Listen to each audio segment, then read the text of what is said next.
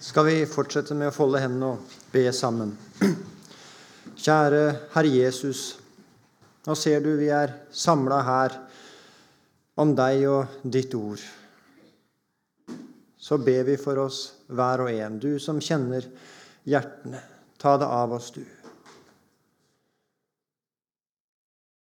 Så ber vi, gi meg ord å gå med, og oss alle sammen ører å høre med. Gjør oss stille, vi som er så urolige.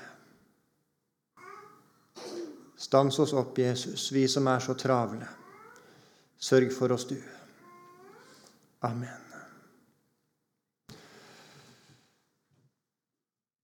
Det sto i mitt hjerte så hår en strid.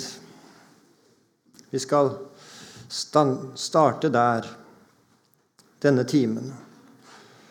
Og denne står under kamp og seier, dette kapitlet i sangboka vår. Og mange av dere som er her i dag, både dere som har liv i Gud, og dere som skulle ønske dere hadde liv i Gud Dere kjenner kanskje på denne striden. Ja, kanskje til og med en fortvilelse. Hvordan skal det, hvordan skal det gå med meg?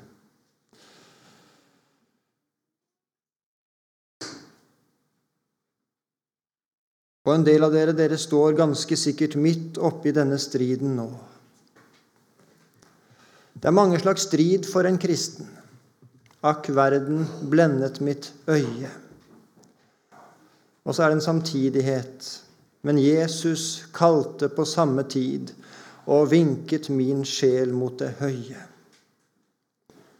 Og så skriver salmisten, da følte jeg midt i denne strid jeg stred, de evige armer når helt her ned.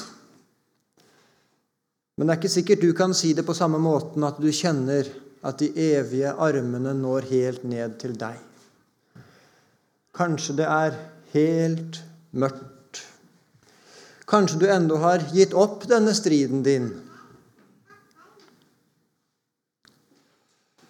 Kanskje du ikke opplever noe annet enn en hård strid. Kanskje du har gitt opp?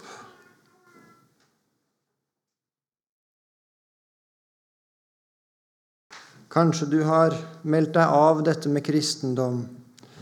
Det er over evne. Alt du hører, det er krav. Alt du hører, det er hva du skal være, hva du må være, hva du må gjøre, hva du skulle vært. Og så er du så sann at du sier 'sånn er jeg ikke'. Sånn er det ikke i mitt liv. Det har kanskje aldri vært sånn engang.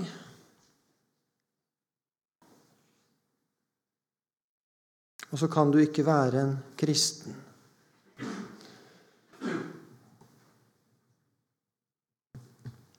Temaet for denne leiren det finner vi i 5. Mosebok 33. 27. Vi skal slå opp der. 5. Mosebok 33, 27.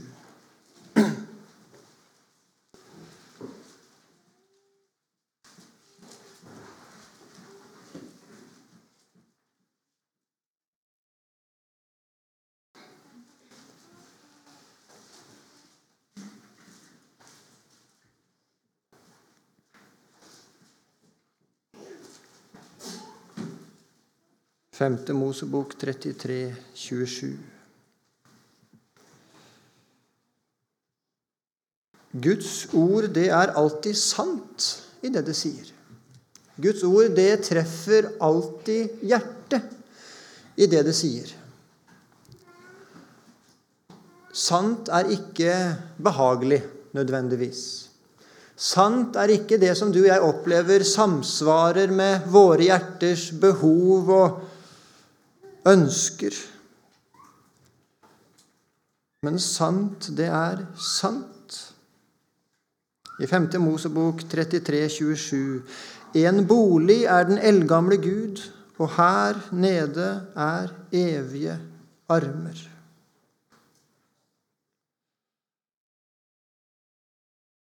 En bolig er den eldgamle Gud, og her nede er evige armer. Vår tid, det er en tid som dveler lite ved det eldgamle, som, dveler lite, som hviler lite i, stanser lite ved det som har vært og er, det som står. Vår tid, det er snart. Vår tid er i framskrittet. Vår tid er i det som skal komme. Vår tid, det er i det nye. For det nye, det er bedre enn det gamle. Det som kommer, er bedre enn det som har vært bak. Det nye, det er forkastelsen så altfor ofte av det gamle.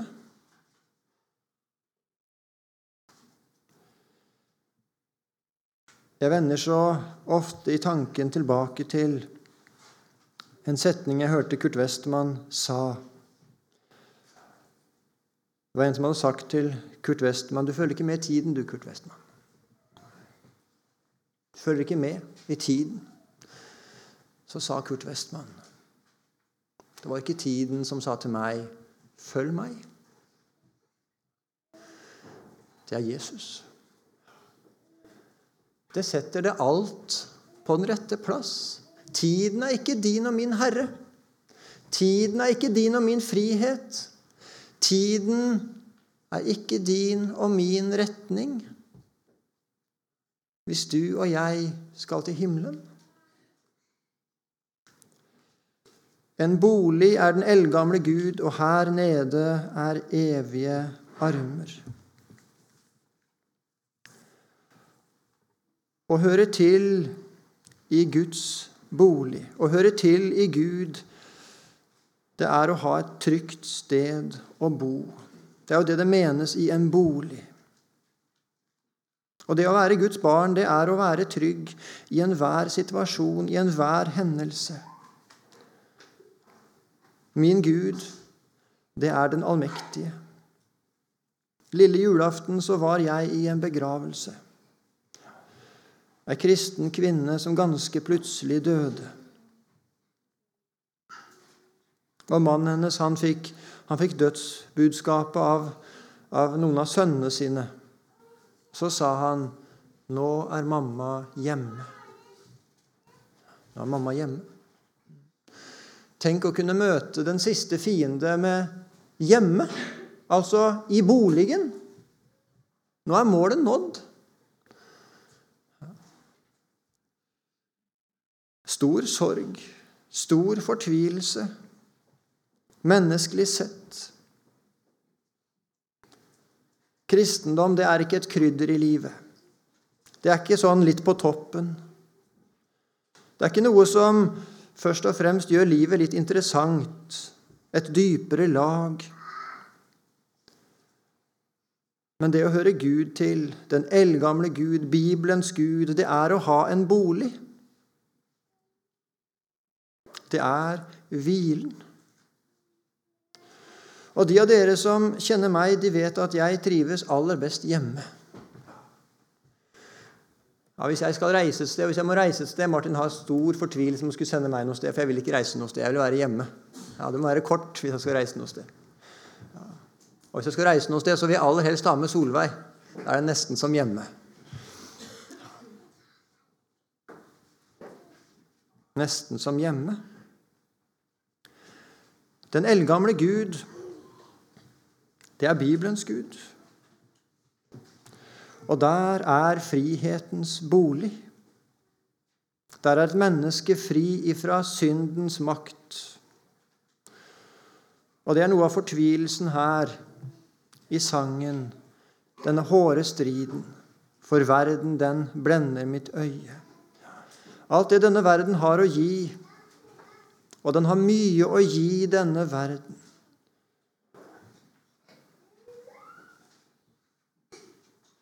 Og det er frihet ifra Guds vrede. Guds vrede, det er en fryktelig ting. Og du som skulle ønske du var en kristen, du kjenner noe til denne Guds vrede, for du skulle ønske du, du kunne hvile, men det kan du ikke, for du er, du opplever deg under Guds vrede. Og Guds bolig, det er en frihetens bolig fra syndens følge. Syndens makt og syndens følge, det er to grusomme ting. Guds bolig, det er en frihetens bolig fra dødens makt. Det er noe som ligger over oss alle dødens makt. Åssen skal det gå med deg? Åssen skal det gå med meg? Og Satans makt, ja, Guds bolig, det er en frihetens bolig fra Satans makt. Satans bedrag. Mange av dere som er her, opplever at det er ingen ro i livet. Det er ingen hvile i livet. Livet er et, et jag, og så er det ingen sted å hvile. Og så prøver dere å komme dere inn i Guds bolig, inn i frihetens bolig, inn i hvilen. Men så er det ingen hvile å finne.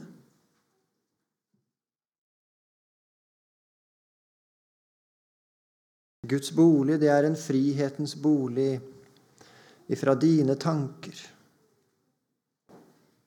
ifra din uro og ifra alle andre menneskers tanker og meninger.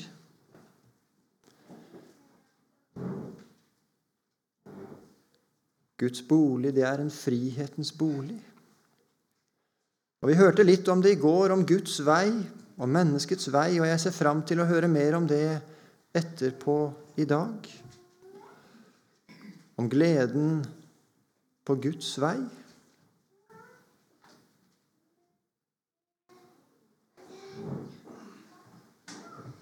Det Gud, den Gud som vi ser her, en bolig er den eldgamle Gud, og her nede er evige armer.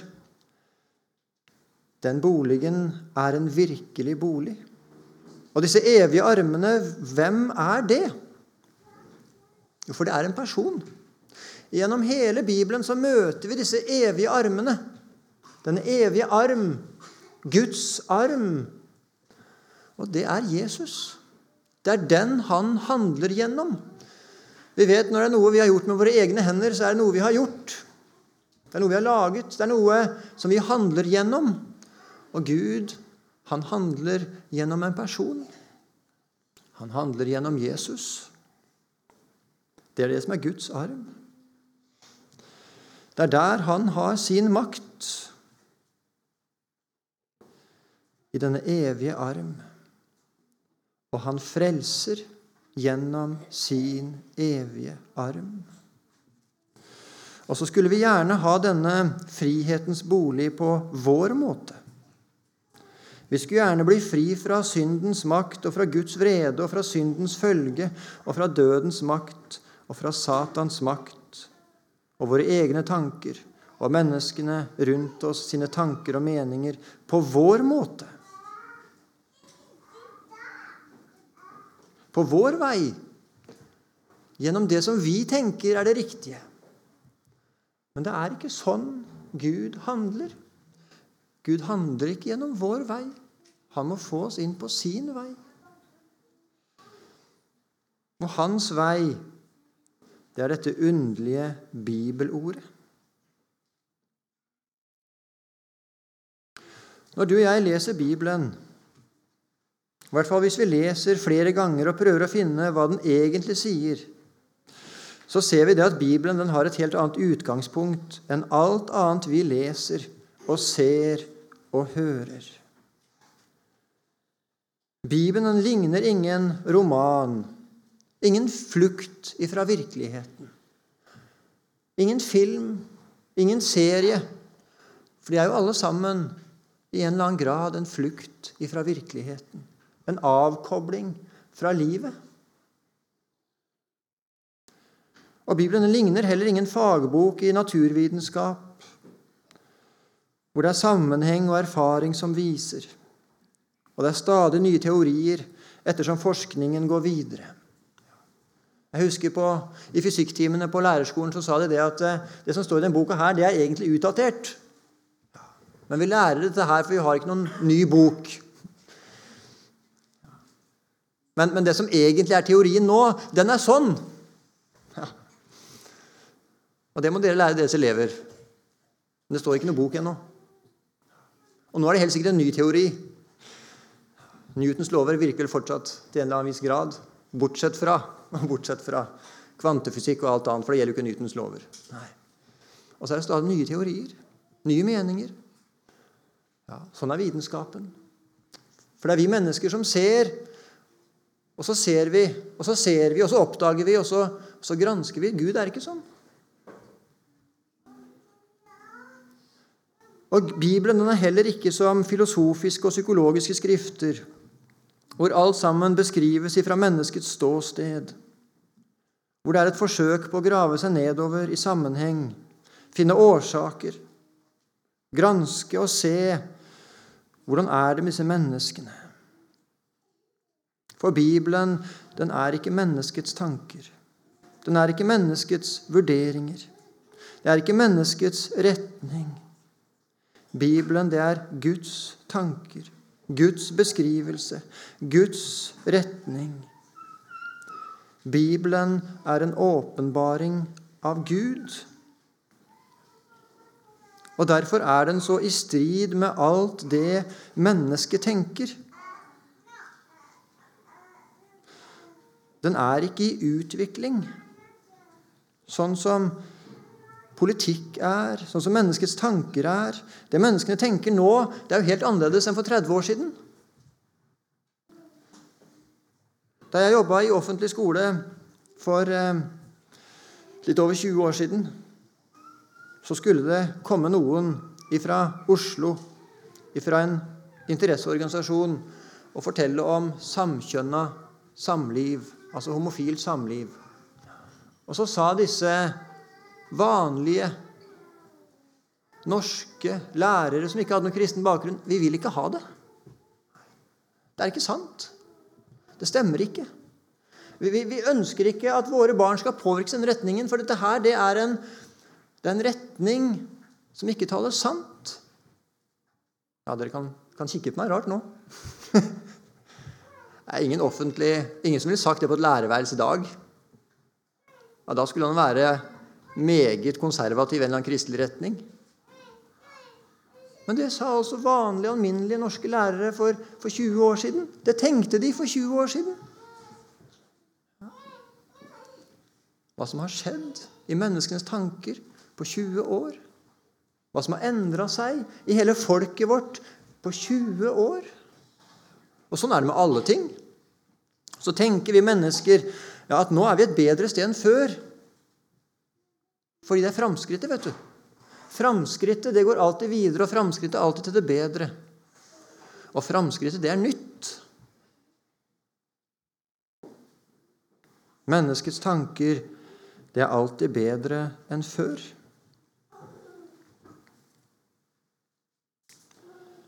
Det stemmer ikke at menneskets tanker alltid er bedre enn før. Men det er faktisk menneskets tanke. At framskrittet er bedre fordi det er framskritt. Menneskene kan ikke med all sin fornuft, sitt logiske resonnement, vurdere Bibelens sannhet. Menneskene gjør det stadig vekk. Du gjør det stadig vekk, og alle andre mennesker gjør det stadig vekk. Men virkeligheten er at enten så bøyer mennesket seg for Gud, eller så forkaster mennesket Gud som Gud. Mennesket kan ikke seg sjøl komme til sannhet i åndelige spørsmål.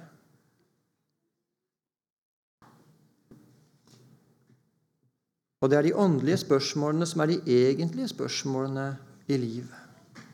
Det er de åndelige svarene som er de egentlige svarene.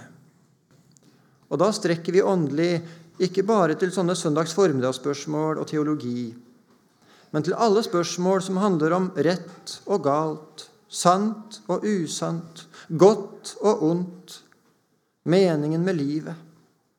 Hvorfor lever vi? Og hva er å vite noe?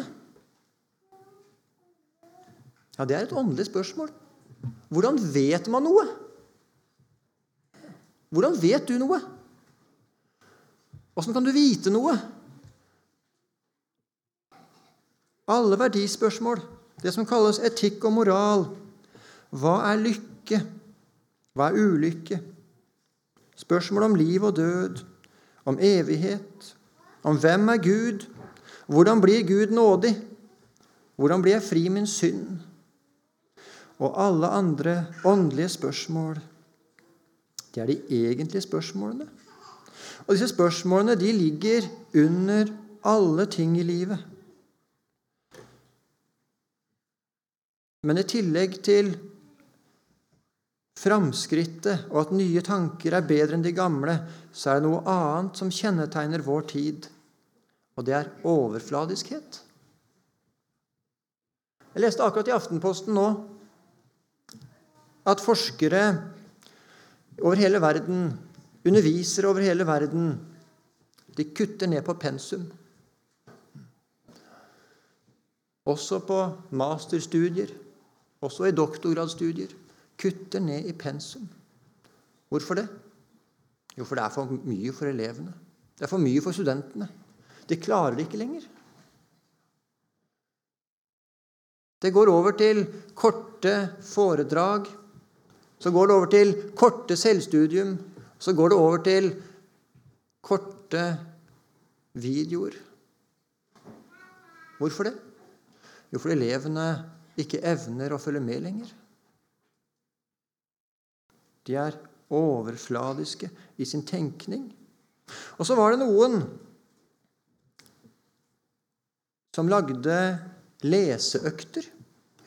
Så avtalte de med studentene sine at nå skal vi ha en dag hvor vi legger telefonen vekk utenfor studierommet. Og så skal vi bare lese sammen. Eller alene, da.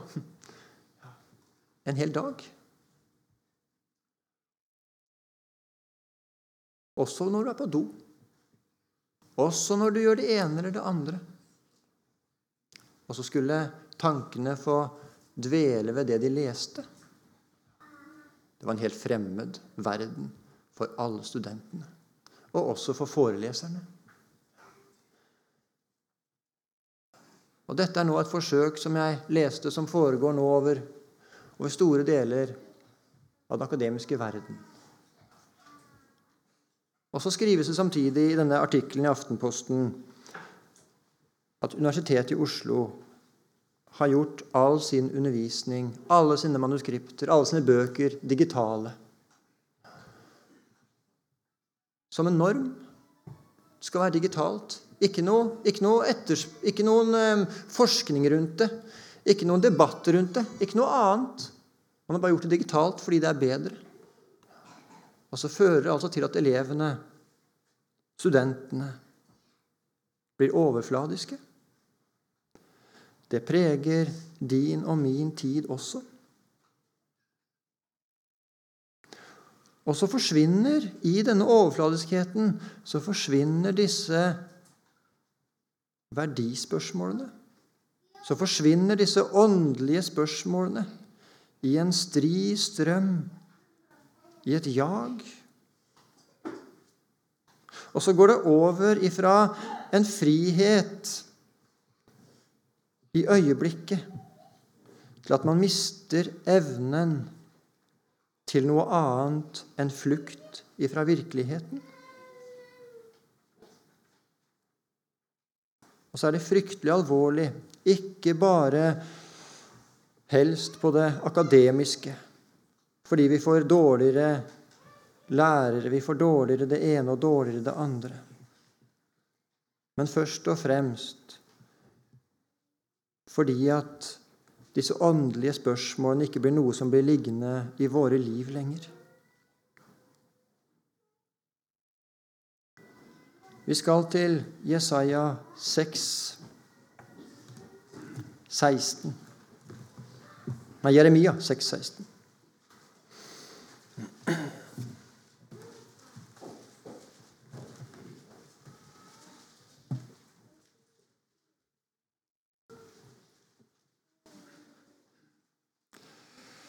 Jeremia 6, 16. Så sier Herren, stå på veiene og se til. Spør etter de gamle stier. Spør hvor veien går til det gode, og vandre på den. Så skal dere finne hvile for deres sjeler. Men de sa, vi vil ikke vandre på den. Her ser vi Jeremia sin tid. Her ser vi vår tid.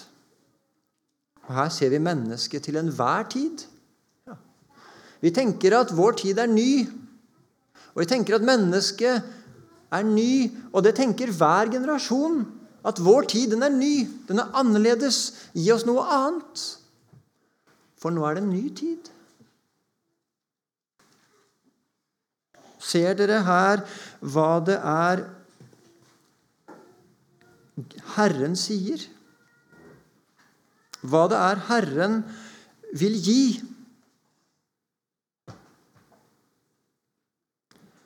Veien går til det gode.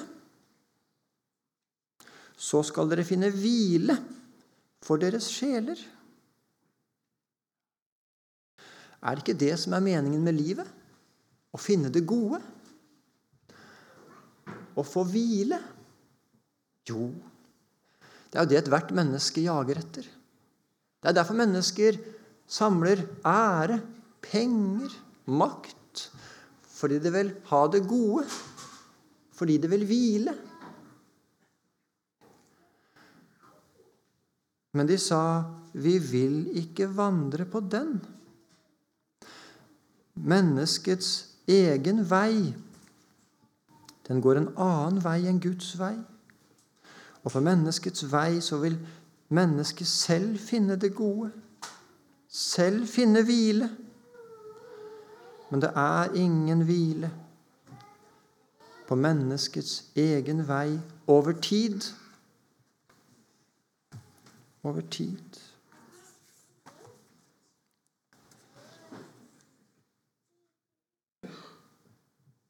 Bibelen beskriver på utallige steder livet som en vandring og en reise.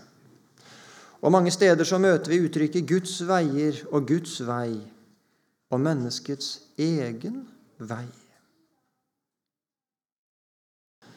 Og en vei i bibelsk forstand det er ikke bare en vanlig vei, sånn som jeg kjørte på da jeg gikk hit, eller da du gikk romantisk måneskinnstur i går kveld.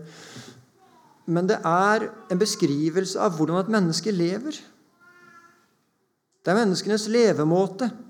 Det er hvor menneskene går hen. I en dypere forstand.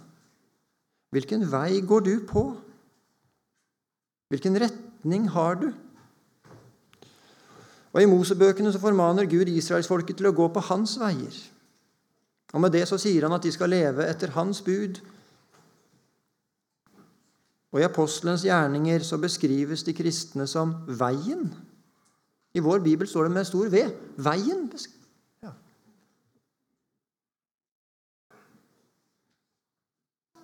Og vi ser at Jesus sier, 'Jeg er veien'. Og vi leser om flere steder om vandring. Og Vi hørte i går om israelsfolkets vandring ut fra Egypt, ut ifra verden. Det er også en beskrivelse av vandringen. En side ved det å være på vandring, det er at alle mennesker er på en vandring ifra fødsel til grav. Og livsvandringen den har en begynnelse og en slutt, og så venter målet. Det er ikke livet her som er målet. Det er et av vår tids største bedrag at meningen med livet er nå. Meningen med livet er det du driver med nå. Meningen med livet er å få det sånn som du vil ha det nå. Meningen med livet, det er selvutfoldelse nå. Men livet, det er en vandring fram mot målet. For en kristen så er målet å leve med Gud her i tiden og i evigheten. Og himmelen er målet. Himmelen er der Jesus er.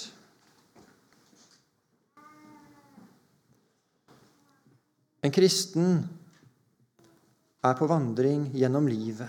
En annen vei enn det alle andre går. En annen retning enn alle andre går. En kristen går mot strømmen. En kristen er annerledes enn denne verdens mennesker og går en annen vei enn denne verdens mennesker. Og I alle biografiene i GT så, hvor vi møter Guds menn og kvinner, så ser vi denne annerledesheten. Vi ser den hos Moses, hos Abraham, hos Josef, hos Ester, hos Ruth, hos Daniel, hos Jobb, hos Hanna og alle de andre. Og det var ikke av tvang de gikk denne andre veien, men de vandra med Herren. Og vi ser det jo spesielt med, med Enok. Han vandra med Gud og hadde i Gud sitt livsmål. Han har altså fått en skatt som de andre ikke hadde. Ikke fordi Gud tvang han, men fordi Enoks hjerte hadde funnet hvile. Så skal dere finne hvile for deres sjel. Spør hvor veien går til det gode.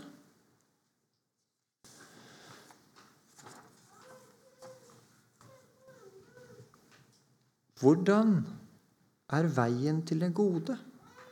Jo, veien til det gode, det er en person. Og Her møter vi på mange dobbeltheter i Bibelen. Vi møter på mange samtidigheter, ikke dobbeltheter, mange samtidigheter. Som bare den som lever med Gud, ser. Fordi For det naturlige mennesket så kan det se ut som en dobbelthet. Altså noe som er motstridende, noe som er annerledes. Men for en som er, hører Gud til,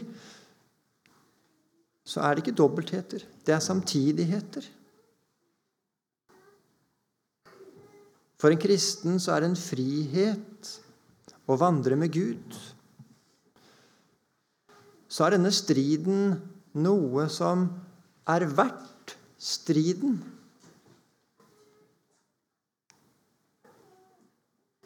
Det sto i min strid, i mitt hjerte så hår en strid, akk verden blendet mitt øye.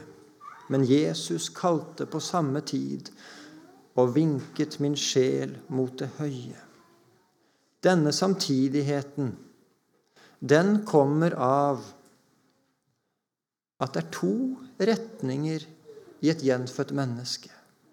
Det er to jeg i en kristen. Det er det gamle mennesket som har sitt liv i denne verden. Som har sitt livsmål i det som denne verden har å gi. Og så er det det nye som har sitt livsmål og sin frihet i å høre Jesus til. Det kan ikke utgreies, det kan ikke forklares hvordan det er å høre Jesus til. Og hvordan vi enn skulle prøve med menneskelige ord å selge inn denne friheten, så ville det bli galt. For friheten i Jesus oppleves ikke som frihet for det naturlige mennesket. Det oppleves som fangenskap. Det er ingen frihet for det naturlige mennesket det hører Jesus til. Det er død. Og vet du ikke det, så vil det aldri gå opp for deg hva det er å være en kristen, for du vil aldri finne denne friheten. For du vil lete etter denne friheten i det kjødelige. Guds vei går, som vi hørte om så fint i går, gjennom noe helt annet enn det naturlige menneskets vei. Så skal vi stanse helt kort når det gjelder det å vandre gjennom livet. Hvordan skal jeg som en kristen vandre rett gjennom livet? Og der har menneskene, ikke bare for en kristen, altså, men menneskene generelt, forsøkt å gi gode svar på dette spørsmålet. Hva er grunnlaget for å vite hva som er godt? Og da har menneskene gitt to svar. Og Det første kan vi kalle for nyttemoral. Den største mulige nytte for det største mulige antall mennesker, det er det som er godt. Når vi skal måle om noe er godt eller vondt, så måler vi det ut fra det som gjør størst mulig nytte for størst mulig antall mennesker. Og da tenkes det om hva det er som gjør et menneske fri for ubehag og besvær. Hva det er som gjør mennesket, de flest antall mennesker, lykkelige. Aristoteles, han kjenner vi til. Han hevder det at de rette handlinger, de rette gjerninger Det som er godt, det fører til en tilstand hvor et menneske er fri for ubehag og vanskeligheter. Den største gode består i sanselige opplevelser. Og så tenker menneskene at dette er nytt for vår tid. Aristoteles han er gammel. Det er ikke nytt for vår tid. Det er gammel kunnskap, det er gammel forståelse, det er gamle tanker. En annen retning av nyttemoralen, det er den sterkestes rett. Det er det som bringer verden framover. Og så er det en som har sagt det. Hva er godt? Alt som øker følelsen av makt, viljen til makt og makten selv i mennesket. At jeg kan få det sånn som jeg vil ha det. At jeg kan få verden til å gå min retning. At jeg kan få dekket mine behov og mine ønsker. Det er det som er godt. Er det vår tid? Ja. Bor den tanken i ditt og mitt hjerte? Ja. Hvis livet bare går sånn som jeg vil ha det, da blir det godt for meg. Hvis du får det sånn som du vil ha det, da blir det godt for deg.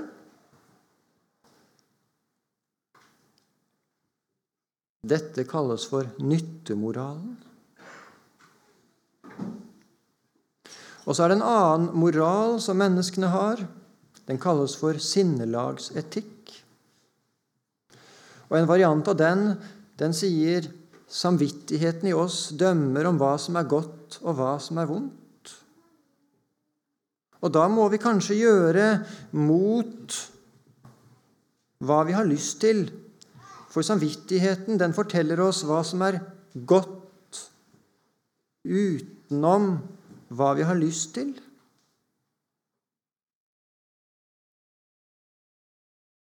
Hvis vi skal sette sinnelagsetikken utenfor kristendommen, så innebærer det at mennesket har en sann samvittighet.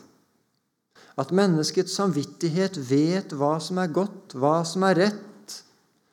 Og vi ser det i vår tid. Jeg føler det er rett, sier menneskene.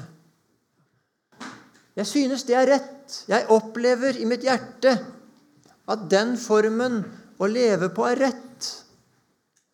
Jeg har tro for det, at det er rett. Jeg vil det. Og så lever menneskene etter det.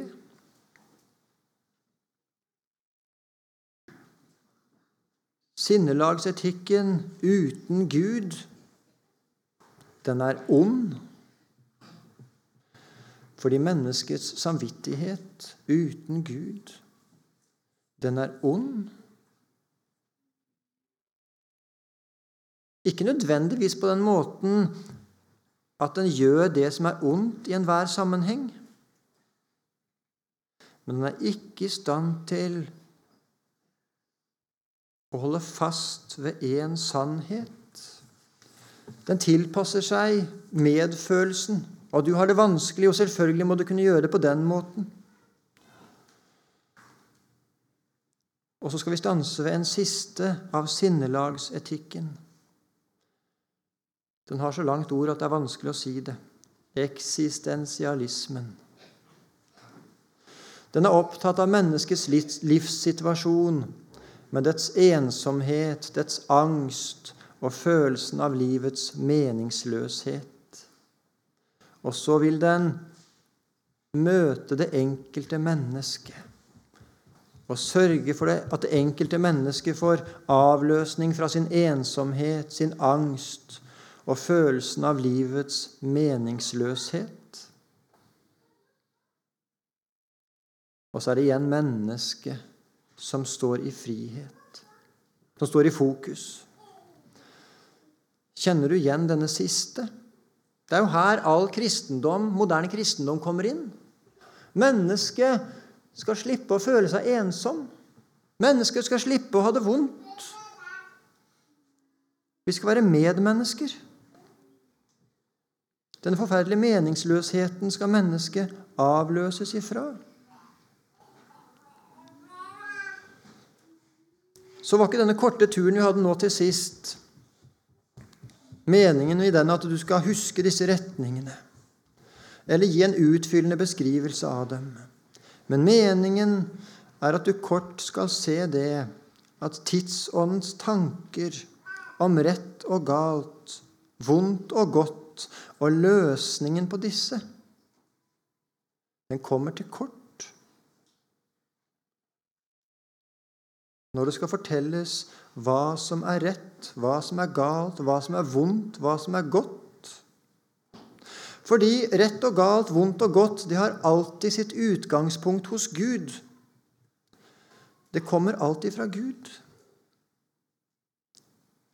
Og hva Gud sier, er godt og vondt, rett og galt.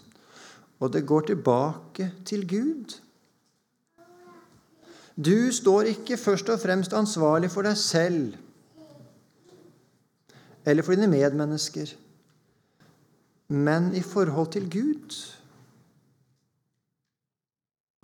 David han sier i Salme 51.: Mot deg alene, Gud, har jeg syndet. Det som er ondt i dine øyne, har jeg gjort.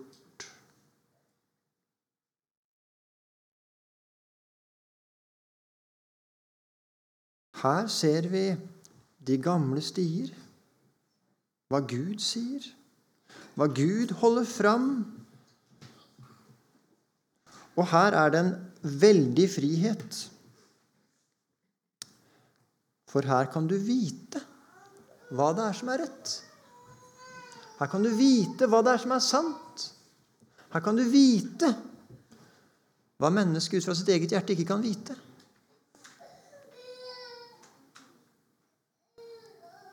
Tidsånden og det naturlige mennesket, disse nye stiene, de vet ingenting. Fast Alt sammen skifter. Tenk om du skulle skrive en lovbok etter sinnelagsetikken. Tenk om du skulle skrive en lovbok etter noen av de andre etikkene som kommer fra menneskets hjerte. Den ville være fryktelig kort. Etter nyttemoralen. Det blir en sånn kardemommelov. Gjør det du vil.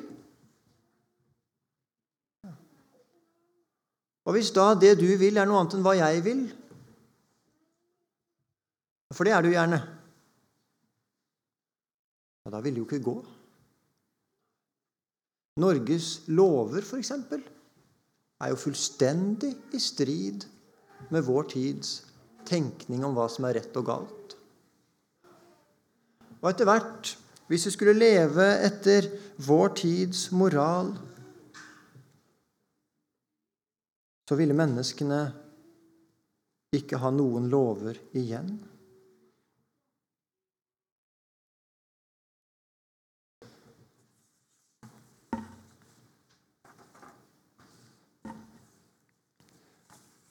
Enok, han vandra med Gud. Han gikk på Guds vei og ikke på menneskens vei.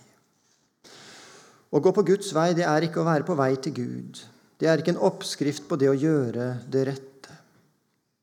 Å gå på Guds vei, det er noe ganske annet enn oppskriften på veien til Gud. Å vandre på Guds vei, det er et uttrykk som vi møter gjennom hele Bibelen. Og denne vandringen eller det å gå på Guds vei, det er å være der Jesus er. Der Jesus er, der må en kristen også være. Denne vandringen med Jesus den består i å leve på en bestemt måte. Den viser seg gjennom det vi var sammen om nå. Den viser seg gjennom å leve etter de ti bud. Men det er ikke livet etter de ti bud som er å vandre med Gud.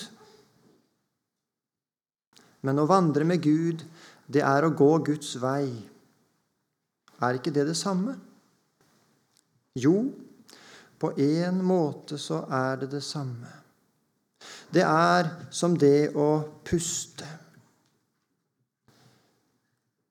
Det er det, er at du puster, som gjør at du lever, sier vi.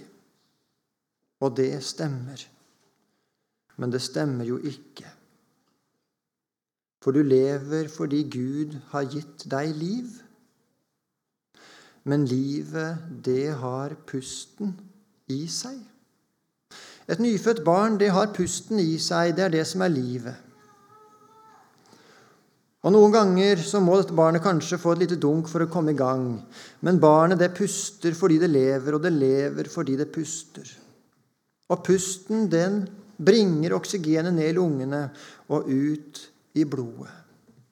Pusten kan ikke skilles eller fjernes ifra livet. Og den som lever, den puster. Og den som ikke puster, den er død. Men det er ikke pusten som er livet. Likevel så snakker vi om livsånde. Og vi snakker om å ånde. Det er jo å puste. Men det er jo ikke det det egentlig er. Det er jo å leve. Ånd, det er liv. Som livet, som ånden, som ånden og pusten og Guds gave i livet henger sammen, så henger livet i Gud, i Jesus, og livet etter de ti bud sammen. Den som fører sitt liv i strid med de ti bud, er ingen kristen om å omvende seg. Men det er ikke omvendelsen som frelser. Det er dit omvendelsen fører deg, du blir frelst. Det er Jesus som er veien. Det er Jesus som er sannheten. Det er Jesus som er livet. Og denne frelsen består i Guds gave. Livet består i Guds gave. Og Guds gave er Jesus. Livet består ikke i å gjøre det rette for å tilfredsstille Gud.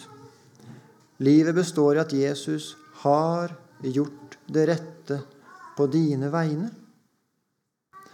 Og gjennom Jesus så er alle Guds krav, alle behov for hellighet, de er oppfylt. Evangeliet, det er budskapet om en fullført gjerning gjort av en annen på dine vegne. Evangeliet er å leve livet i Jesus og vandre i Jesus. Det er evangeliet som er, og som gir den nye vandringen. Kjære Herre Jesus. Nå ser du oss hver og en. Vi er på vandring gjennom livet. For hvert pust så lever vi. Må du stanse oss opp, Jesus, på denne vandringen gjennom livet og føre oss inn til deg. Og vis oss hvilken vei vi er på, og gjør oss stille for din vei. Og du ser de små, og du ser de voksne. Du ser de som har lang erfaring med å leve med deg, og de som har en kort erfaring. Stans oss opp hver og en, Jesus, hos deg. Amen.